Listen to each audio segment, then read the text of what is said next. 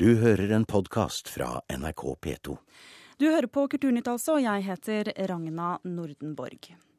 Den nye kulturministeren Hadia Tajik satte to rekorder når hun nå har fått overrakt nøkkelen til sitt nye kontor. Hun er både tidenes yngste statsråd og den første norsk-pakistanske ministeren her i landet.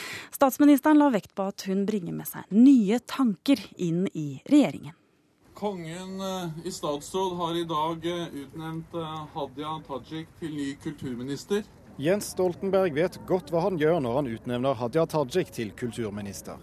For hun har vært politisk rådgiver i flere departementer siden 2006. Og det er lenge siden statsministeren bestemte seg for å finne en ministerpost til 29-åringen. Ikke overraskende får hun med seg svært godt skussmål fra sjefen.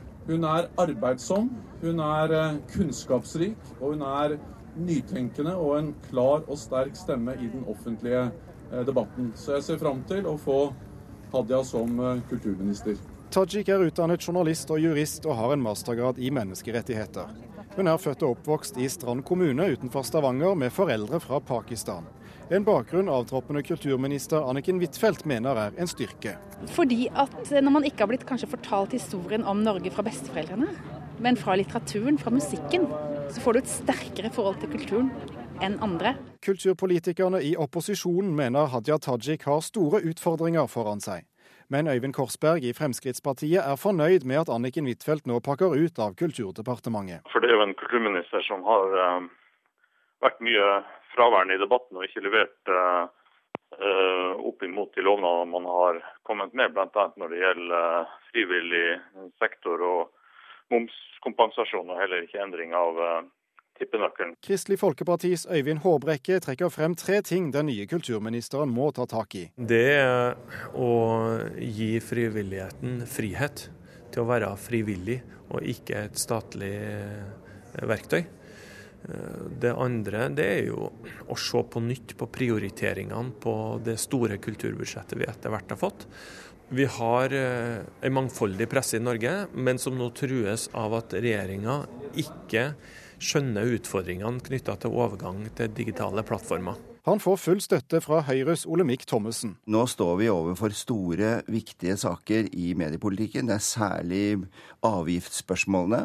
Det å få klare signaler for hvor mediepolitikken går, og hva som er rammebetingelsene for aviser, TV, nettsteder, altså nettaviser, er veldig viktig nå. Det blir spennende å se om hun har eh, eh, gjennomføringsevne og kraft, eller om hun bare skal gjøre som Anniken Huitfeldt og trø vannet. Om Fremskrittspartiet ikke har blitt fornøyd hittil, lover Anniken Huitfeldt at det skal bli enda bedre kulturpolitikk med ny kulturminister på plass i regjeringen. Vi kommer til å fullføre Kulturløftet, og det skal Hadia få lov til å presentere. Og det kommer til å bli et fantastisk godt kulturbudsjett som hun presenterer.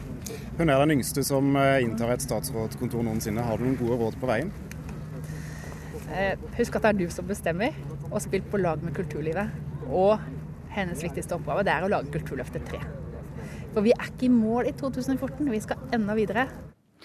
Og Reporter her var Thomas Alverstein Ove. Og Da jeg snakket med Hadia Tajik for litt siden, hadde hun akkurat fått nøkkelen, og jeg måtte jo spørre hvor stolt hun var på en dag som dette. Jeg er stolt, eh, men jeg er òg veldig ydmyk for eh, det ansvaret jeg har fått. Det er Eh, det er et stort eh, departement eh, med mange meningsbærere som, som har sterke meninger om kulturfeltet. Og det, det, gleder jeg meg til å ta fatt på. Ja. Jeg må bare si det at Du har satt flere rekorder i Norge i dag. så vidt vi kan skjønne. Det er flere rogalendinger som har vært i regjering, men du er den første nordmannen med pakistanske foreldre. Og så er du den yngste statsråden noensinne. Hva er du mest fornøyd med? Du, det, det, er hyggelig å få den type omtale, men eh, viktigere enn å være først, er det å være eh, god på det man gjør. Eh, og det må jo være det som eh, bør være målet mitt som kulturminister. Hva er da målene dine med kulturpolitikken i Norge? Mine forgjengere har lagt et eh, godt grunnlag med Kulturløftet 1 og Kulturløftet 2, som har utgjort en viktig rolle for Kultur-Norge. Og en av de store tingene jeg skal begi meg ut på, det er å meisle ut det som skal bli Kulturløftet 3. Og det, det er jeg spent på, men det gleder meg òg veldig til. Du får veldig mye positiv omtale bl.a. av statsministeren, av forgjengeren din, og, og, opposisjonen står klar til å ta deg imot. Men de har også noen ønsker. Eh, dette går jo på ting som har eh, vært på Anniken Huitfeldts bord tidligere. Bl.a. dette med en ny boklov, at det må ryddes opp i krangelen med TV 2 og Kanal Digital. Eh, hva er det du tenker er de viktigste politiske, konkrete områdene dine når du nå tar fatt? Eh, Kulturdepartementet spenner over et eh, bredt område. Fra eh, dans og billedkunst og frivillighet og idrett og, og veldig mye mer. Og jeg syns det er krevende å løfte fram ett av områdene og si at det er viktigere enn andre ting. Men det jeg vil si er at det kulturelle mangfoldet vi har i Norge, den bredden vi har i Norge, den er jeg opptatt av å legge gode rammer for. Ja, Hva legger du i det mangfoldet og rammer til det? Det innebærer eh, bl.a. Eh, det som vi har gjort i Kulturløftet 1 og Kulturløftet 2, som legger også grunnlaget for eh, det neste store løftet for Kultur-Norge. Eh, ikke minst, altså Kultur har jo mye å si for alle mennesker. Eh, kultur og kulturforståelse og tilgang til kultur, både som publikummer, som utøver, som tilskuer. Eh, og, og, det er sånne ting som jeg vil eh, legge mest mulig til rette for. At det er bredde og tilgang i Norge. Vi skal eh, høre litt på hva kulturbransjen eh, har av utfordringer til deg. Altså, Du har jo ikke sittet lenge i stolen, du har akkurat fått nøkkelen til kontoret. Eh, men vi fyrer av en ønskeliste fra kulturfolket. Veldig spennende. Jeg gleder meg til å hilse på henne. Og eh, jeg håper at eh, hun eh, nå tar et par nødvendige beslutninger. Det er for vår del to saker som eh, har ligget eh, på, på, snart på statsrådens bord, vil jeg tro. Det ene er da boklovspørsmålet, og det andre er å få på plass eh, en lov om åndsverk. Det mente Kristen Einarsson i Den norske forleggerforening. For musikkbransjen er det å følge opp Kulturløftet som er den viktigste saken, sier René Rasmussen i Musikernes Fellesorganisasjon. Målet til regjeringa er at 1% av statsbudsjettet skal gå til kulturformål i 2014. Det aller viktigste det er at eh, Kulturløftet nå holder, holdes, og at vi når 1% og at det også blir tatt eh, litt bedre tak i noen av de punktene i Kulturløftet som nok ikke har fått sitt løft ennå. Også mediepolitikken blir Tajiks ansvarsområde. Og her gir Randi Øgrei i Mediebedriftenes Landsforening henne tre utfordringer. Nei, Først så må vi jo gratulere. Syns det er veldig spennende å få en eh, kulturminister som også jeg forstår har en eh, mediebakgrunn, og det ser vi frem til. Og så har vi da eh, tre utfordringer som vi har satt overskriften 'modernisering av pressepolitikken'. Og da er det fornyelse på momsen som er viktig det å få en modernisert eh, medieeierskapslov, og ikke minst det å få en eh, plattformnøytral eh, pressestøtte. Dette er jo ting det har vært jobba med lenge, og det blir flott hvis hun kan forløse de tre sakene. Og det haster. Ja, Hadia Tajik, det blir jo kanskje litt overveldende på en dag som dette, men er du enig i de ønskene som kommer fra, fra kulturfolket her? At ja, det må gjøres noe med nå fort? Ja, De trekker opp eh, veldig mange viktige saker eh, i de tilbakemeldingene som de her gir meg. Og jeg kan eh, berolige og betrygge de med at jeg gjerne vil være lyttende til de ønskene som de har. At de gjerne må komme til meg med det. Men òg varsle at jeg liker en god diskusjon. og jeg vet jo at det er mange sterke meningsbærere på dette området som eh, jeg ser fram til å bryne meg på. Ja. Men er du enig at det er noen av disse tingene som haster, som du kommer til å ta med i Kulturløftet 3? At du må dundre på med noen av disse presserende sakene? De har helt rett i at det er mange av disse sakene som haster, og jeg skal gjøre så godt jeg kan for eh, å sikre en fornuftig og rimelig framdrift i de. Og så kan jeg òg eh, si med et smil at jeg har grunn til å tro at det vil bli et eh, godt eh, kulturbudsjett. Ja. Du, vi har også gjort litt undersøkelser her i Kulturnytt på din kulturpolitiske ballast. Vi har funnet ut at du har vært svært så ivrig i korpset på Tau i Stavanger. Det er riktig. Du kjørte ikke grovmessing eller treblås eller noe sånn. Du tok den glamorøse vrien og, og meldte deg til tjeneste i drilltroppen. Det er hyggelig at du kaller det glamorøst. og det er klart at eh, Når man har på seg eh, drakten og er klar med staven og har trent mye, så føler man seg jo litt glamorøs. Men eh, alle jenter og gutter som har drevet med drill, vet at det ligger også ganske mye hardt arbeid bak. Av annen kulturbagasje, hva er f.eks. din favorittforfatter?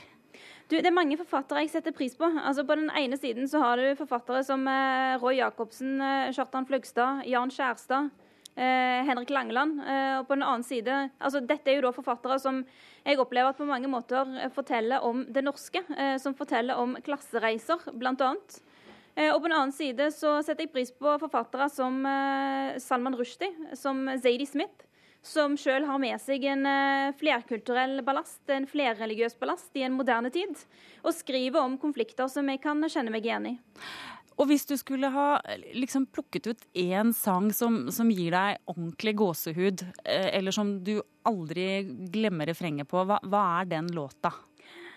Det eh, kan være eh, Bjørn Eidsvåg sin eh, 'Mysterie deg', men det kan òg være omtrent alle sangene til Carpe Diem.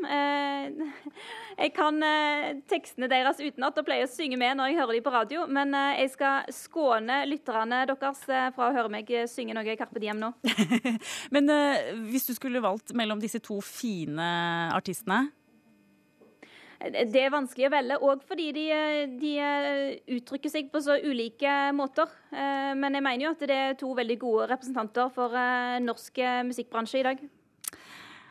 Hadia Tajik for en liten stund siden der. Hun er altså blitt kalt en politisk stjerne. Statsministeren omtaler henne med, som en politiker med et brennende engasjement.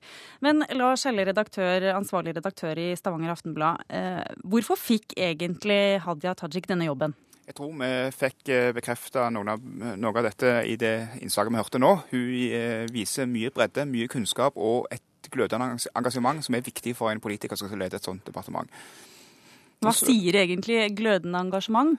Eh, jeg la merke til når hun eh, snakket om forfattere og musikere som hun eh, er begeistra for, at hun gjorde det med en glød og en, og en interesse som, som, jeg tror trengs. Og jeg tror òg den trengs i politikken. Og hun har jo vist gjennom faktisk allerede en seks års tid på høyt nasjonalt politisk nivå at hun har vært, borti mange biter av dette. Og at du skal kunne håndtere dette Kulturdepartementet, det er jeg helt sikker på. Hun tar over etter Anniken Huitfeldt, altså, som har sittet siden 2009. Eh, hvordan vil du beskrive forgjengeren?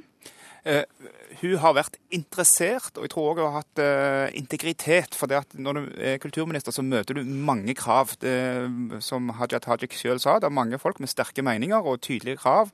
Mye om penger og, og, og sånn, men, men uh, har vel savna en tydelig profil.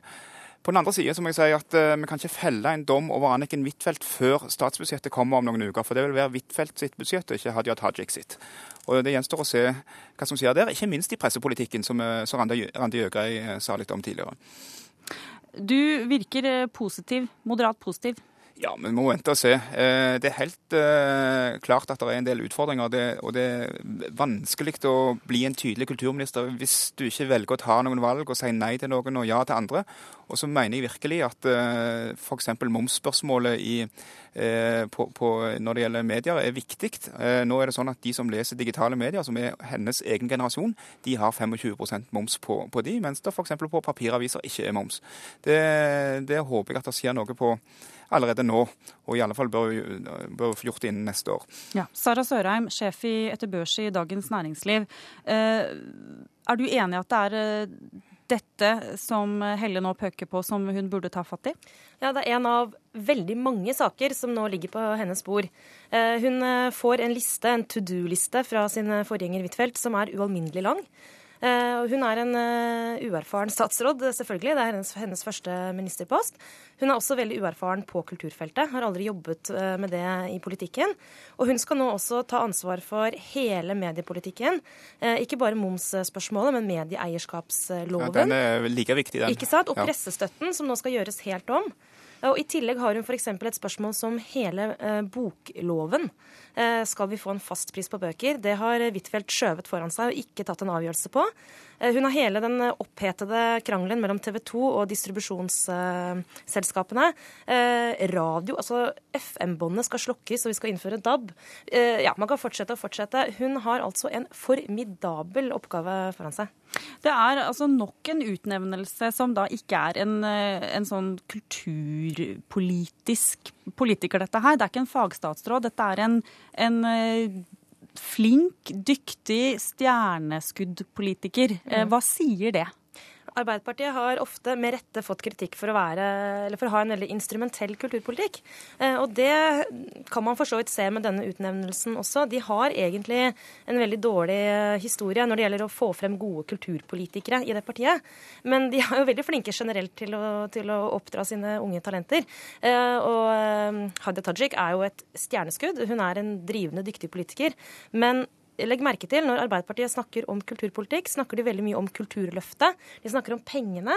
Huitfeldt klarte å øke kulturbudsjettet år for år, også i trange tider. Men hvis Hadia Tajik skal bli en kulturminister vi husker for ettertiden, så må hun også tre frem som politiker, og hun må, tre frem, hun må vise en vilje til å velge noe foran noe annet. Og det er jeg spent på. Agnes Moxnes, kulturkommentator i NRK. Hva er det du tror den nye kulturministeren kommer til å bli god på? Hmm. Ja, det var et godt spørsmål. Det har jeg rett og slett ikke peiling på. Men jeg ser jo litt på henne som en, som en, en yngre utgave av Anniken Huitfeldt. De har veldig mye av de samme kvalitetene, samme iver, samme interesse, litt nesten av den samme måten å snakke på. Tar nesten ikke pauser, tenker seg nesten ikke, for de er så flinke på et vis. Men altså det Hadia Tajik får i fanget rett over jul, det er den store utredningen som Anne Enger, den tidligere kulturministeren, Senterpartilederen, EU-dronningen, sitter og jobber med nå. Hun har altså rett og slett fått i oppdrag fra Kulturdepartementet å gå gjennom hele Kulturløftet. Fra 2005 og frem til 2014 eller 2013. Og det blir veldig interessant å se hva som kommer opp der. Hva er det, altså Vi har hatt et kulturbudsjett som ifølge Anniken Huitfeldt har økt med 80 siden 2005. Hva er det pengene har gått til? Eh, er, har vi fått et bedre kulturliv, et mer mangfoldig kulturliv, større kvalitet? Og et annet spørsmål i forlengelsen av mangfoldsspørsmålet, da, som begge disse statsrådene er brennende opptatt av. Og det er jo at, at forskning viser at, nye, altså at, nye, grupper ikke oppsøker kulturlivet, kulturlivet. Og kulturinstitusjonene kjøper ikke billetter, mens de som har gått der tidligere, bruker kulturlivet mer.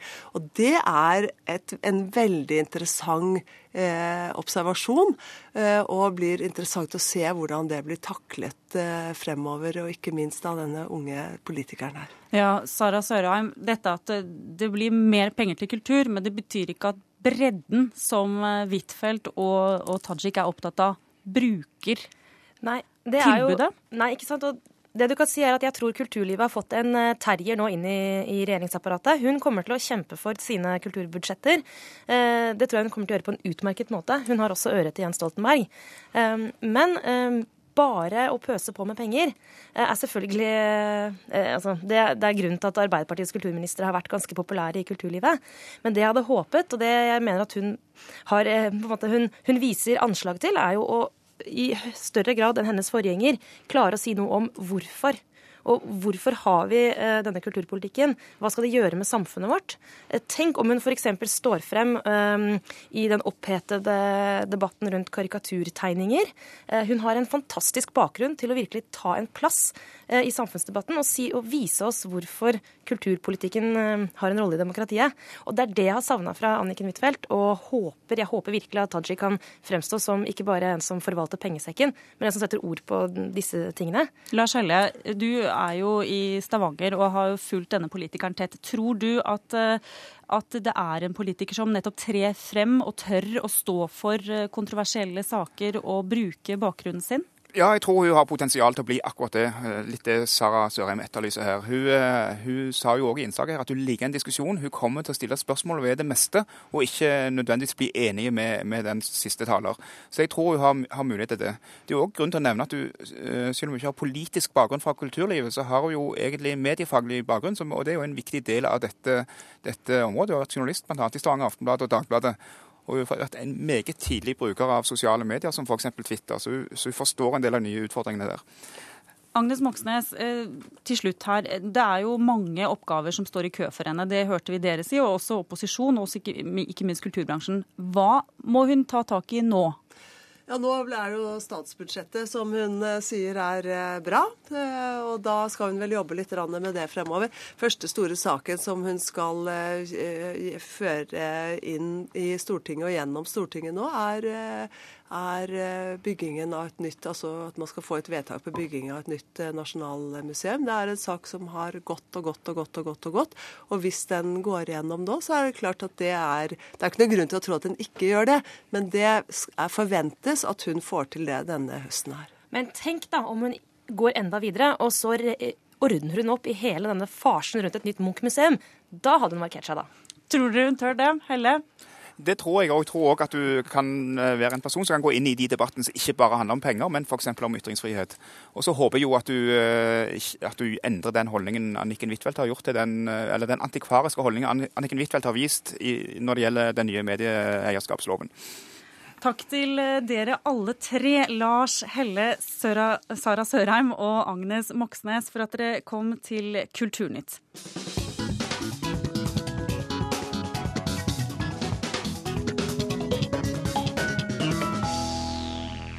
Da har vi fått uh, fin, fint besøk i Kulturnytt. Det er uh, klart for Kulturfredagspanelet.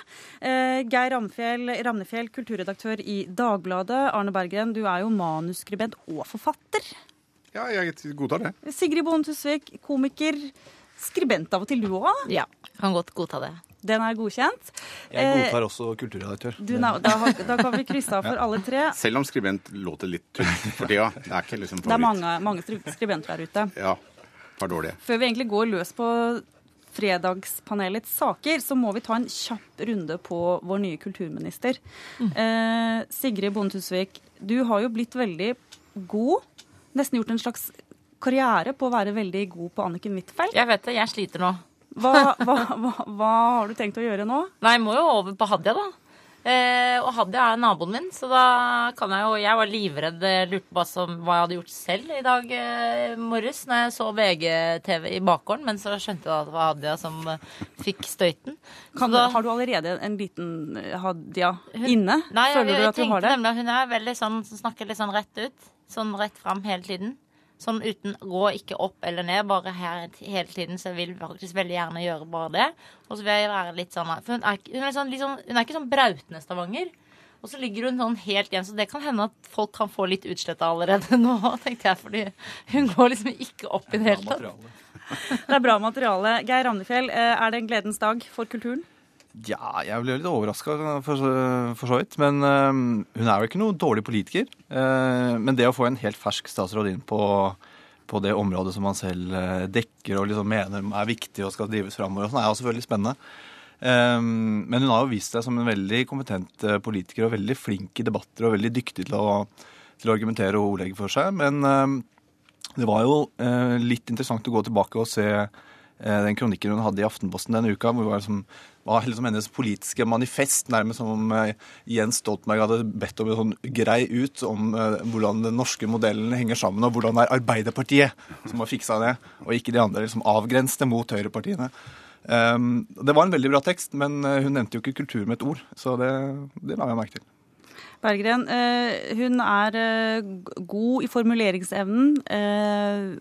Har en utrolig sånn bredde, og får allerede nå omtales som den største talentet Arbeiderpartiet har hatt på mange år. Har ja, du trua? Drit, jeg driter i det. Men jeg tenker hvis hun liker TV-serier, har sett mye, har hun sett siste sesong Breaking Bad, så, så er det en inne. Hun er jo på Twitter og sånn, du vil jo like det. Ja, men altså, det er TV-serier. Det, det, er det som, det, er det som gjelder. Ja. Og da holder du veldig poeng av, eh, av, eh, av Borgen eh, i den politiske Ja, For det må de se på samlinger, det vet Ja. jeg. Det er jo obligatorisk men- men det er breaking- pensum, det, ja, for, det er eh, Breaking. Bad som er, er testen. Ja. Liker hun Breaking Bad eller ikke? det er hun inne. Det er, det er Altså- inne eller ute hos deg. Ja. Ja, hun er inne hos deg hvis hun liker det. Hva med Har hun Hotell- sett hva med Hotell Cæsar? Ja, det er, det er jo også klart, klart litt av, av testen. Men, men, men eh, jeg tror hun Jeg er spent, altså. Spent. Vi eh, skal eh, gå gjennom tre temaer i dag. Det første er eh, at denne uken så kom eh, eh, Eric Idle. Er det noen som har et forhold til han? Jeg sto én meter fra han i går. eh, og det var det største som har skjedd meg denne uken. Det sier både litt om denne uken og litt om meg, men det sier også litt om hvor kul jeg syns han er. Hvem er han? For folk som ikke vet hvem det er. Det er jo på en måte sånn en av legendene på humor, Monty Python, opphavsmann. eh, og som man har levd mer eller mindre med jevnlig i veldig mange år. Altfor mange. Bare stå ved nærheten han syntes jeg var kult. Jeg merket at jeg var starstruck. Det er ikke så, det, det, det er ikke så ofte man liksom får kjent det. Eh, men, men det merket jeg gikk inn på meg. Sønnen min sa du er starstruck. Og det var jeg rett og slett. Jeg prøvde å komme borti han og sånn. Det han nemlig sa til NRK, det var at han ville aldri ha tulla med profeten Mohammed. Mens eh, han har den holdningen, så har satiremagasinet i Frankrike Charlie Hebdo nok en gang meldt at de da publiserer eh, provoserende Mohammed-karikaturtegninger. Spørsmålet til panelet er skal satirikere ligge unna? Ja- eller nei-runde først. Sigrid? Uh, ja er jeg på. Geir? Jeg er på nei. Arne? Nei.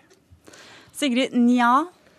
Jeg, var jo litt eh, I det jeg leste Erik Erdl eh, Han sier at eh, det er ikke hans religion, så de vil ikke lage De hadde aldri kunnet lage Life of Brian, Life of Mohammed.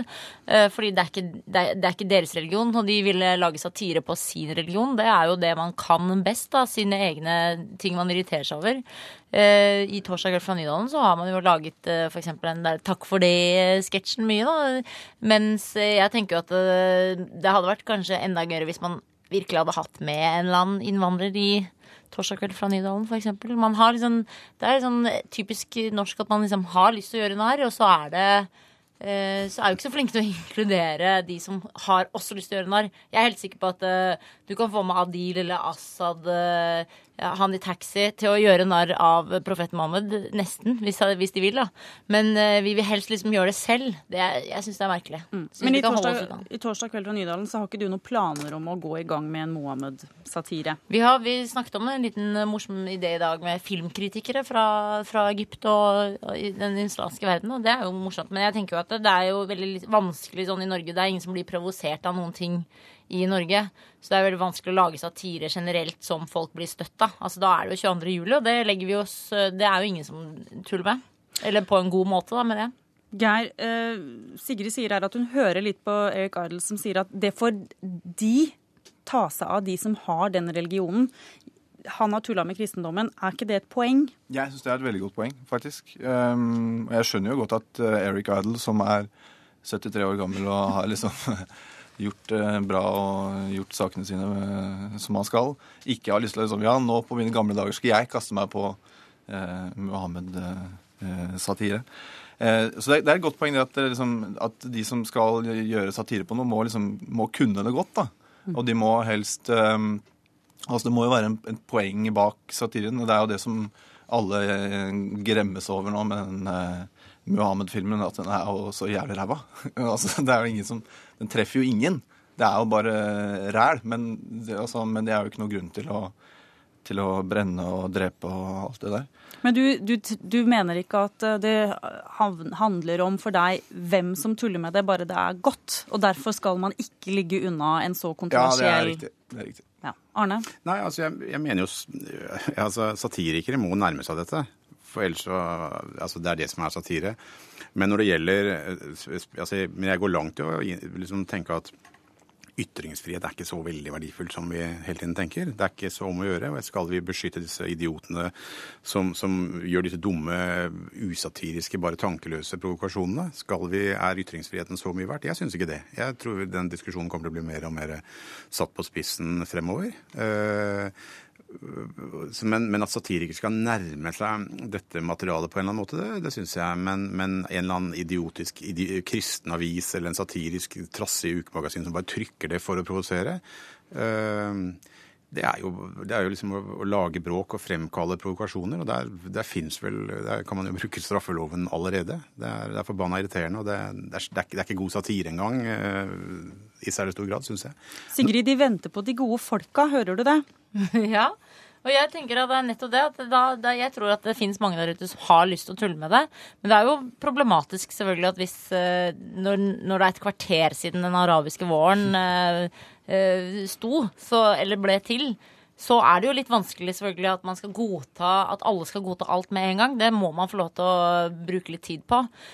og jeg syns jo ikke de Mohammed-tegningene er så veldig gode. Eller jeg tenker at det er det er det, på en måte, du, som, som, norsk jente som ikke kan så mye om islam, så ler jeg ikke sånn Jeg slår meg ikke sånn kjempemye sånn, på låret og syns det er helt fantastisk. Det er, det, er, det er ikke spesielt sofistikert. Men jeg lurer på hvem ting. som skal le av det. Om vi skal le av det, vi som syns at det er teit i utgangspunktet, eller altså fundamentalisme er teit i utgangspunktet, eller om, om det er muslimene som skal ha det? Jeg er jo litt for fundamentalisme. Men, men, eh, men, bare om Eric Idle, for jeg syns eh, de har sluppet unna den, der, den eh, Life of Brian.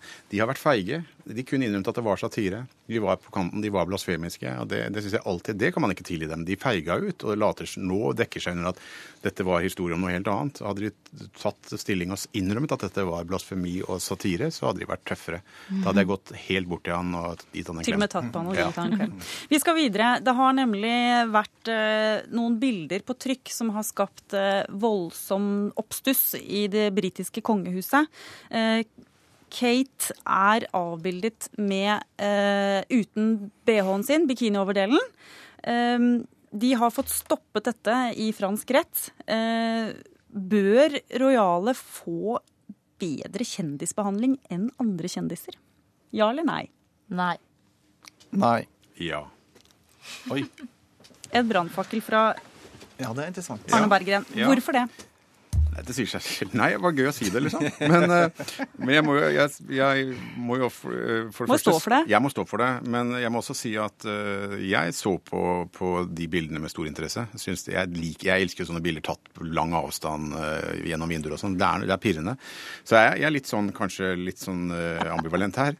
Men det er, når vi først har dette kongehuset, så syns jeg de skal ja, men de skal, Prinsippet er jo at de er innsatt av Gud. De er på en mission høyere enn oss. Ja, men da får, vi, da får vi ta full pakke. Da syns jeg de skal beskyttes på en eller annen måte. Vi lar diplomater kjøre i fylla i Oslo. De, de er liksom litt hevet over loven. Jeg syns vi skal ha noen folk som har litt sånn andre fullmakter. Så jeg er for James Bond. Kongen er litt beskyttet. Jeg, jeg, jeg, jeg er mot Jeg, jeg syns blasfemi er, er fæle ting. Jeg er liksom litt gammeldags der, da. Da må jo Frankrike få lov til å ta bilder, de som eh, ikke har sett eh, kongehus på mange herrens år. De eh, syns jo vi andre driver og flåser oss bortover dette monarkiet. Det er jo det fine også med at man, Når man reiser på ferie, så er det litt forskjeller. altså sånn at vi, på en måte, Det at vi kan klikke oss inn på franske nettsider og se bildene, eh, og se puppene, som altså, gjorde stort inntrykk på meg. Uh, det er fint. Kan jeg spørre hvorfor de gjorde så stort inntrykk på deg? De var mindre enn jeg hadde trodd. Akkurat. Hun er jo veldig slank og tynn. Nå har vi fått sett rumpa også nå i, i, i, denne uka. Og jeg tenker jo at jeg var skuffa over at man aldri har fått sett puppene til dronning Elisabeth, som er mer interessante pupper, vil jeg si, enn Kate Middleton, som er sånn klassisk eh, 25 år gammel pupp. Men Sigrid, du kommer altså inn på noe her.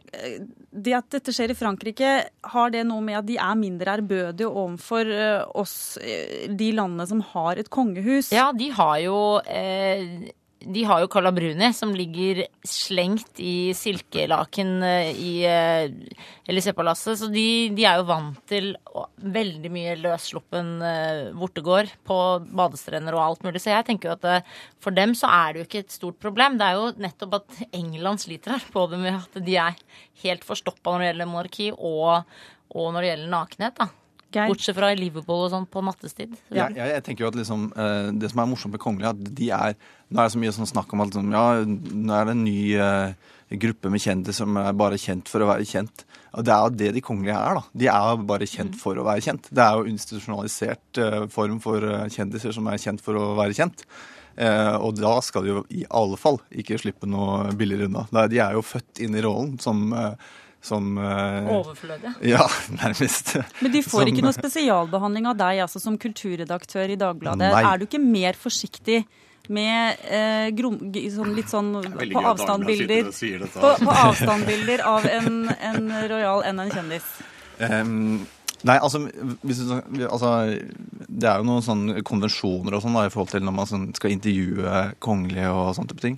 Det syns jeg er forferdelig irriterende. Men jeg har aldri intervjua en kongelig, så jeg har aldri vært i en situasjon hvor jeg måtte ta stilling til det. Men liksom, jeg ser for meg at hvis jeg skulle intervjua, så hadde jeg liksom, ah, hadde liksom klart å kanskje liksom, si, si bare du, eller liksom Men det du reagerer på, er egentlig bare det at man gjør kvinnekroppen til objekt? Er det Å oh, nei, nei, nei, nei, nei. Det er, eh, sånn er det.